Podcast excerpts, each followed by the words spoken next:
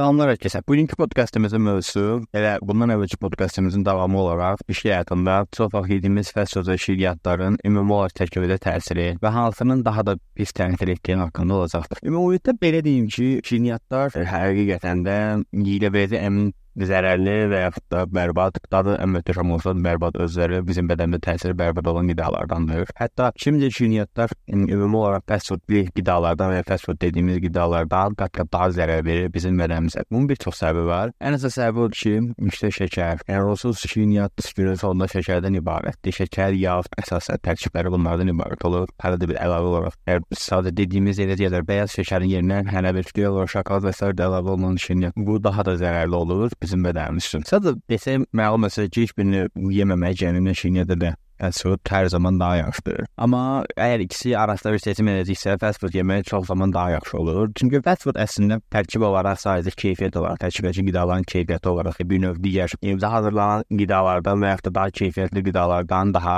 həm ucuz olur, həm də bədənimiz üçün daha zərərli olur. Çünki tərkibinə baxdıqda günün sonunda hər biri eyni inqridiyentlərdən tərkib olaraq hazırlanır. Yəni yeməklər və fast-foodlarda söhbət gedir, amma məsələn McDonald's-da olan bir burgerlə yaxşı bir burger yer, burgerdə yediyiniz burgerin qiyməti arasındakı fərq onların inqridiyentlərinin necə deyirlər yaxşı olmasına görədir. Yəni ona görə McDonald's və ya digər fast-food yerlərdə daha ucuz olur burgerlər. Və bu da sözsüz ki, necə deyirlər, nə yeriksə ona çevrilir və inqridiyentlər pis olanda tərkib olaraq bizim bədənimizə də qatqısı qədər zəif olur. Mən ümumi olaraq e, deməyim fikrimin əsaslandırdığım e, məqam odur ki, mən nəyə görə deyirəm ki, şəkər daha zərərlidir. Çünki e, yeni il olandan sonra ümumi olaraq bir qərar vermişdim ki, şəkərli qidalar qəbul etməyəcəm və hardasa təxminən 3 ay yaxın bu qərara sadiq qala bildim. Həmin bu 3 ay periodda fast food qidalar demək olar ki, həftə içi hər axşam yesəm belə, çəkimdə demək olar ki, qətiyyən bir artım olmurdu və hətta bu ərəfələrdə o qədər idmana belə gedə bilmirdim də. Yəni həftədə 2 dəfə gedirdimsə, 3 dəfə gedirdim, bu böyle bir şey idi, çünki vaxt çox az idi. Amma buna baxmayaraq çəkim qətiyyən dəyişmirdi və tərəziyə çıxanda da özümlə bəzən şok olurdum ki,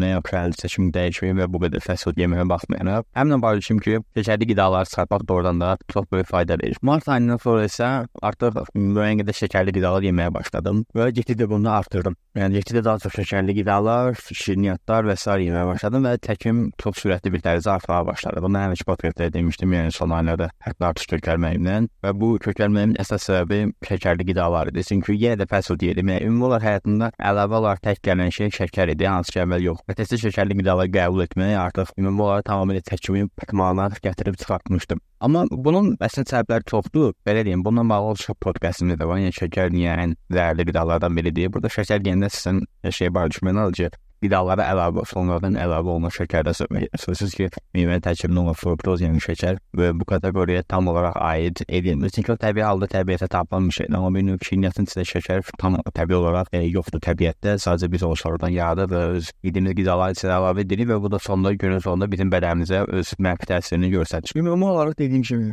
şəkərlə bağlı bir podkastımız var deyə o mövzuya da toxunmayacağam. Mənim əsas toxunmaq istədiyim şey fast foodları necə yemək lazımdır? Bu mövzu. E, mən ümumi olaraq fast food yeməyi, e, fast food yaxşıdır. Yaxşı dediyim yəni dadları yaxşıdır, belə tərkib olaraq qətiyyən yaxşıdır, səhv anlamayın. Yəni amma fast food yeməyi məncə ümumi olaraq düzgün qaydalarına əməl etsək, fast foodlardan həm onların dadından zövq ala, həm də ki, ümumi olaraq sağlamlığımıza çox zərər verməməyinin qarşısı ala bilər. Fast bağlı işləyəcəyim şey qətiyyən kartuşka yeməyin. Ya bu kartuşka firini insanlar niyə yeyir, heç anlamıram. Nə bunun doyma olur, nə də bunun tərkibi yaxşıdır. Yəni kartuşka firi sadəcə boş karbonhidratı, yağ və duzdan ibarətdir. Yəni yeyə biləcəyiniz və boş kalori ala biləcəyiniz ən möhtəşəm qida, yəni kartuşka firi deyək də bizim ə, əsasən food dilində desə firi. Yəni qətiyyən bunu yeməyin. E, bu ümumiyyətlə niyə var? Yəni sadəcə boş bir şeydir.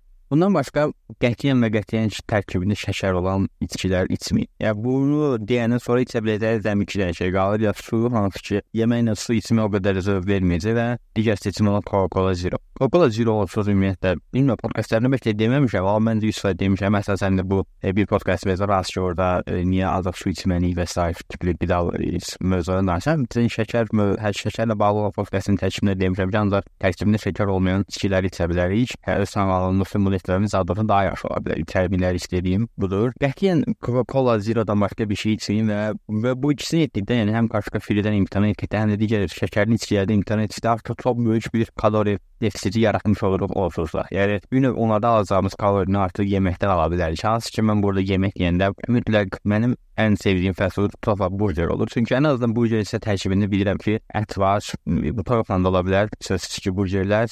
Ən azından bilirəm ki, orada mənə bir müəyyən bir protein gəlir. Yəni çünki qidalanmada proteinə fikir vermək əsas prioritet olmalıdır. Yəni siz bir qida yerinə sadəcə ona baxın və fikirləşin ki, burada mən nə qədər protein ala bilərəm. Sözsüz ki, hər necə deyirlər, yemək yerinə buna tam da fikir verməmək lazımdır. Ümumi gün ərzində yaymaq lazımdır. Yəni gündəlik olaraq protein ümumənizə baxın. Yəni gündə mən yanlış almayın, durub hər gün səhər tezən toyuq ət yeməli deyilik və yaxud da məcbur deyilik yumurta yeməyə. Yəni səhər yulaf da yeyə bilərik, hansı ki, əsasən karbonhidratdan ibarət, amma onun da tərkibində müəyyən qədər protein var. Onsuz demək olar ki, yaxşı qidaların əksəriyyətinin tərkibində meyvələr çıxmış şəkli ilə böyüklükdə demək olar ki, müəyyən miqdarda proteinə rastlamaq olur. Bəzi qidalarda hansılar ki, həm karbohidrat, həm protein işi olur. Məsələn, mərcimək, yaxşı mərcimək olsun, qıvrılı mərcimək olsun, adətən yaxşı mərcimək üstünlük verin. Yəni belə ona görə əsasən düzgün seçimlər etsəz, fast foodda böyük ehtimalla onlardan çox zərər almadan istədiyiniz kimi onları yeyə biləcəksiniz. Ümumiyyətlə bu fast foodları necə yemək lazımdır mövzusunda mütləq bir ayrı tamamilə ayrı bir podkast çəkəcəm. Amma digər ümumi olaraq fast food yeyəndən sonra nə etməliyik mövzusunda bəzi bir iki bir şey deyim, ən azından qısa olsa da.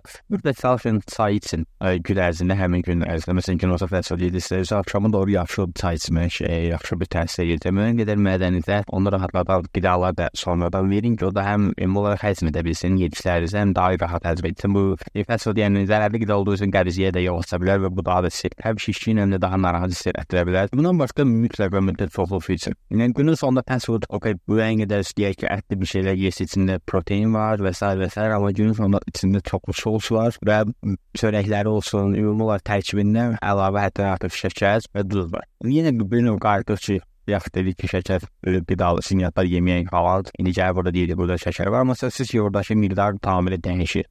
Foodun içində tərkibinə zərər verən şey duzdur və soslardır yüksək kalori məməd onlar və duz və sofradan gələn yağ əsasən mayonez deyəcək sırf yağdan ibarət olan bir soslu mayonez ki demək olar ki hər bir food qidasının içində mayonez var bundan əvvəl olaraq o ətin pişdiyi yer, yüksək yağlılıq və s. və s. Ümumi olaraq ifadəni yekunlaşdırsaq, qidalanmaqla bağlı dəqiqlik davam deyə bilərəm ki, mütləq əsas belirticiniz olsun ki, həyatınızdan şəkərli qidalar çıxardın. Yəni daha doğrusu tərkibinə əlavə şəkər daxil olmuş bütün qidaları broşinyatlar da aiddir, tərkibində şəkər olan içkilər də aiddir və bir çox digər şeylər. Bunun başqa olaraq food yeyərkən daha diqqətli olmağa çalışın, daha çox zövq aldığı qidalar yeyin, amma həmçinin bu tərkiblərə fikir verin ki, sizin üçün daha optimal olan seçimlər edib ən azından oradan gələn zərəri minimuma endirə bilərik və bunu etməliyik ki, öz həyat performansımıza təsir eləməsə görə sonunda bu iki qida hər ikisi zərərlidir və sözsüz ki, hər ikisindən qətiyyən istifadə etməmə hər zaman daha yaxşıdır. Amma ümumi olaraq bəzən düşünürəm ki, həyatda zövq almaq da lazımdır. Yəni etiraf etmək lazımdır ki, bu qidaların bu iki kateqoriyaya aid olan qidaların hər biri